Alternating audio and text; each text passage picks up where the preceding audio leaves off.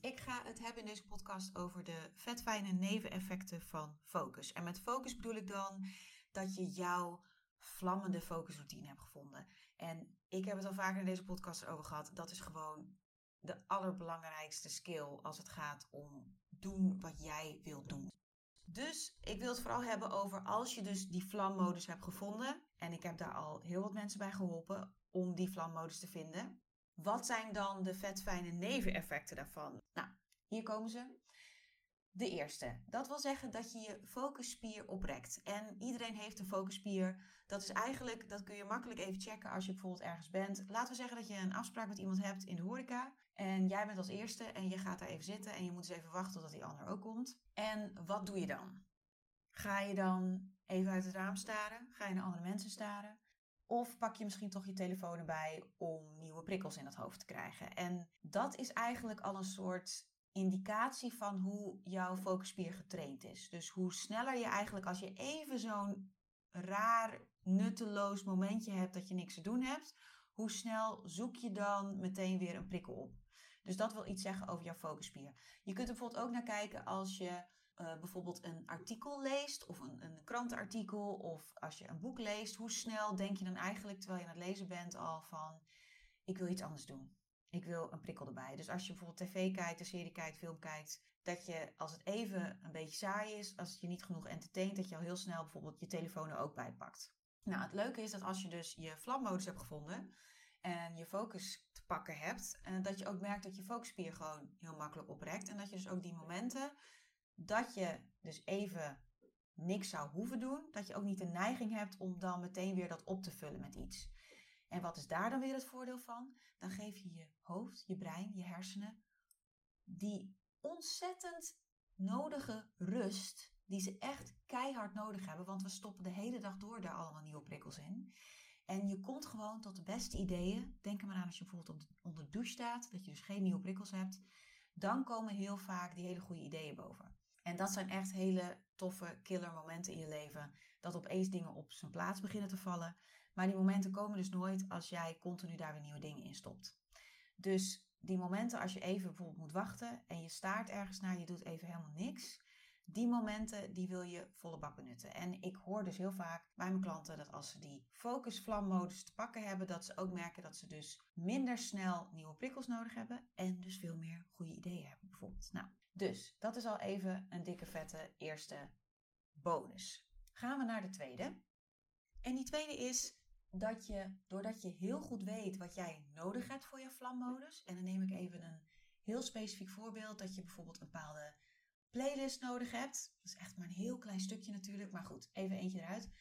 En dan weet je dus ook dat jij die focus vlammodus nooit gaat bereiken zonder dat je die playlist beschikbaar hebt. Dus je zorgt er dus al voor dat je die beschikbaar hebt. Dat ga je ook steeds meer merken bij andere dingen. Dus stel dat je bijvoorbeeld in de bibliotheek gaat werken, dan weet je ook dat je daar afgeleid kunt raken door de temperatuur. Dat het daar te koud is, te warm is. En dat je dus ook weet, ik moet een extra laag aantrekken. Of ik moet er juist voor zorgen dat ik mezelf koel kan krijgen in dat moment. Kan ook zijn dat je weet, ik kan afgeleid raken doordat ik daar honger krijg. En dat ik dus niks bij me heb. En dan moet ik dus allemaal spullen weer pakken. En dan moet ik ergens heen lopen om iets eten te kopen. Dat soort dingen. Dus dat je er van tevoren al over nadenkt. Wat heb ik nodig om mijn perfecte versie te zijn voor datgene wat ik op dat moment te doen heb. En dat verschilt per locatie, dat verschilt per waar je bent, op welke tijdstip van de dag het is. Maar doordat je dus het heel goed hebt geleerd voor jouw focusmodus, focusvlammodus, ga je dat dus ook bij heel veel andere dingen merken. En dat kan dus ook zoiets zijn als, we gaan nu op vakantie, uh, we moeten vijf uur in de auto zitten. Ik weet exact wat ik nodig heb om mijn perfecte versie te zijn als ik vijf uur in de auto zit. Dus je gaat veel beter nadenken over wie jij bent, wat jij nodig hebt, wat je daarvoor nodig hebt en welke stappen je dus ook even te zetten hebt om ervoor te zorgen dat jij in die perfecte modus komt. Dus dit is ook een hele fijne bijwerking van dat je dat hebt gecreëerd voor je focus modus en dat je dus ook voor die andere modussen die je hebt heel snel in werking stelt. Dus dat is de tweede. Het derde vet fijne neveneffect is dat je veel bewuster keuzes gaat maken in waar jouw aandacht naartoe gaat. Dus In die focusmodus kun je heel bewust kiezen voor ik ga nu aan deze taak werken. Maar doordat je dus daardoor gewend raakt aan heel erg je aandacht op datgene wat je op dat moment te doen staat, heb je dat ook voor hele andere dingen. Want je kunt natuurlijk ook heel bewust kiezen voor een dikke vette pauze en dat daar dus je volledige aandacht naartoe gaat. En dat je dus niet zo'n stemmetje in je achterhoofd hebt van ik zou nu eigenlijk dit en dit en dit moeten doen. Of ben ik niet misschien een deadline aan het missen nu? Daar ben je dus helemaal niet mee bezig, want je kunt veel beter je aandacht op datgene richten waar je op dat moment voor kiest. Terwijl ik deze podcast opneem, weet ik dat ik een workshop te geven heb begin volgende week. Ik heb daar al twee uren voor gereserveerd om dat uit te werken. Daarom voel ik me nu ook volledig ontspannen. Ik ga de komende dagen ook daar helemaal niet verder mee bezig. Behalve natuurlijk als ik opeens daar een idee voor heb. Dan zorg ik ervoor dat dat in mijn systeem komt. Maar ik weet wat ik kan doen in die twee uren. Want ik weet natuurlijk dat ik mijn focus vlammodus dan keihard aan kan wakkeren. En dat ik dat ook in die twee uren makkelijk red. Maar tegelijkertijd kan ik dus in de tussentijd tot dat moment mijn aandacht heel bewust richten op lekker uit eten gaan. Genieten van het eten. Genieten van mijn gesprekspartner. Van de goede gesprekken die we dan voeren. Zonder dat mijn hoofd bezig is met, oh ik moet ook nog die workshop voorbereiden. Dus je leert heel sterk om volle bak te genieten van de momenten dat je dus niet met taken bezig bent. Omdat je ook volle bak je aandacht kunt richten op als je wel zo'n taak doet. En dat is echt een een super skill die ontzettend veel fijne voordelen geeft van dat je veel meer in dat moment volle bak je kunt focussen op wat je op dat moment doet. En dat kan ook zijn als je denkt ik ga lekker nu even hangen met een boek en een kop thee. En het kan dus ook zijn als je denkt ik moet nu dit rapport doorlezen en dit is nu het enige wat ik doe. Dus heel bewust je aandacht op één ding richten. Vet fijn neveneffect.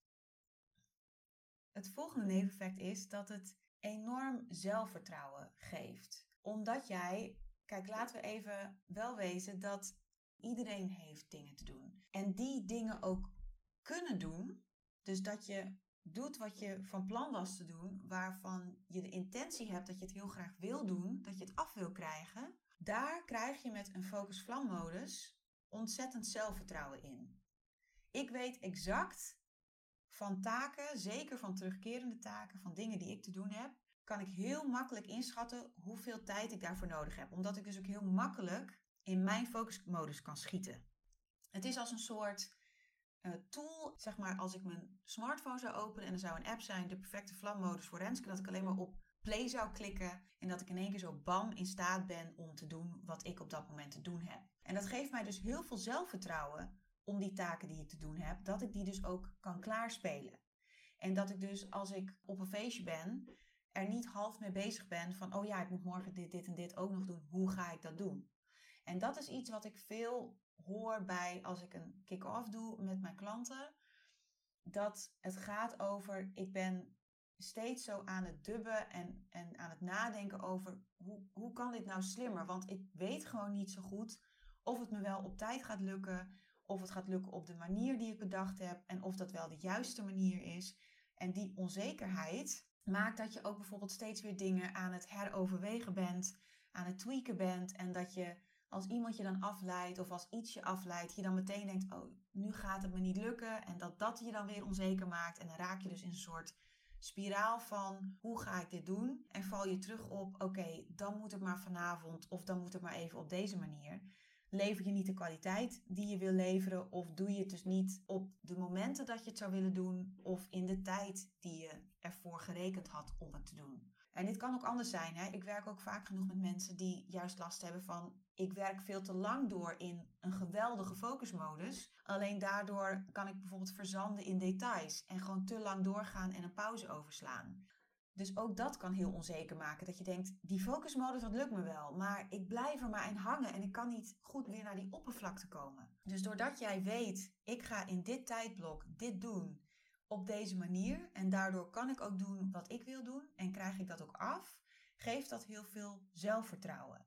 En dus ook op andere vlakken weet je veel makkelijker te herkennen. Dit en dit en dit heb ik nodig om te doen wat ik wil doen. Dus kan ik ook makkelijker inschatten hoe lang dat duurt en dat het me dus ook gaat lukken. Dus dat ik weet hoe dat gaat lukken. En dat dat dus maakt dat ik dat zelfvertrouwen daarvoor krijg. Dus dat stuk zijpelt ook zeg maar heel erg door in andere vlakken van je leven. Dus de onzekerheid wordt veel minder. Het zelfvertrouwen wordt veel sterker. En dat is echt heel erg waardevol. De vijfde is dat je relatie met jouw werk, met de taken die je te doen hebt waar je even voor moet gaan zitten, dat die relatie heel erg verandert. Want er wordt natuurlijk heel veel overal geroepen over werkgeluk, over je talenten benutten, over doen wat je leuk vindt, over ikigai en hoe het ook maar heet en dat soort dingen. Maar jij kunt, net zoals iedereen dat kan, je takenlijst eigenlijk gewoon indelen in twee categorieën. De taken die je leuk vindt om te doen. Misschien heb je nog een soort categorie meer taken van oké, het is wel oké. En gewoon baggertaken die ook gewoon gedaan moeten worden. Dat is niet de reden waarom je de baan hebt genomen of waarom je een bepaald bedrijf bent gestart, maar wel een noodzakelijk kwaad die je prima kunt hebben. Ik spreek ook wel vaak genoeg loopbaancoaches bijvoorbeeld die zeggen ook je moet bijvoorbeeld bij je ideale functie zeker zitten op taken die je leuk vindt om te doen, zo minimaal 85% bijvoorbeeld. Maar bijna niemand zit op 100% van taken dat je het allemaal leuk vindt om te doen. En dan kom je bijvoorbeeld ook al uit op dingen als belastingaangifte doen, administratiewerk, ik noem maar wat. Een focus modus is taakonafhankelijk. Want je kunt veel makkelijker kiezen, gelet op dat tijdblok dat je op dat moment hebt en die focusmodus die je op dat moment heel makkelijk kunt vinden, welke taak op dat moment de meeste impact maakt. Dat kan een baggertaak zijn, dat kan een leuke taak zijn, maar in principe maakt dat dus niet uit. Want de taak die je afvinkt, die creëert op dat moment de impact die je wil. Dus voor een baggertaak op dat moment kan dat dus enorme opluchting zijn bijvoorbeeld. Zo'n taak die de hele tijd al op je schouders drukt, die je hebt uitgesteld, maar waarvan je heus wel weet, dit is nu de taak die ik zou moeten doen meeste impact te maken. Als je die dan gedaan hebt, is het heel erg fijn en tof dat je die dus gedaan hebt. En geeft dat ontzettende opluchting. Heel erg fijn. Als je op dat moment een leuke taak te doen hebt, geeft dat eigenlijk een soort dus rush gevoel. Heerlijk dat ik nu deze leuke taak mag doen in mijn focus tijdblok. Dus dat is ook heel erg tof. Dus de joy is in de focus moment itself. En dus niet meer in de aard van de taak. Dus je wordt blij van jouw vlammodus.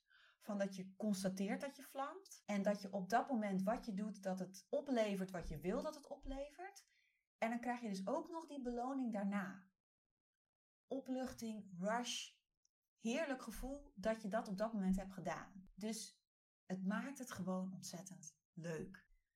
Nou, het kan, lijkt me bijna niet anders dat je nu tering enthousiast bent geworden over jouw focusvlammodus en wat die is. Ik, uh, ik ben heel lang onderzoeker geweest, gedragswetenschapper, psycholoog. Ik ben ontzettend nieuwsgierig naar jouw focusvlammodus. Dus laten we die gewoon samen gaan ontdekken. Jou laten vlammen en jou ook keihard laten genieten van jouw rustmomenten. Al deze neveneffecten liggen echt voor het oprapen en ik gun jou dat gewoon. Dus als je meer informatie hierover wilt, kun je vinden op planandsimple.nl. Daar zie je bij aanbod informatie over het Focus Funnel programma. En als je sowieso al nieuwsgierig bent naar wat jouw focusmodus of wat eigenlijk jouw focustype is, dan kun je de gratis focus scan alvast invullen. En die vind je meteen als je naar plannensimpel.nl gaat. Dan zie je bovenaan de knop staan. Vul de gratis focus scan in. Oké, Bedankt voor het luisteren en tot de volgende keer.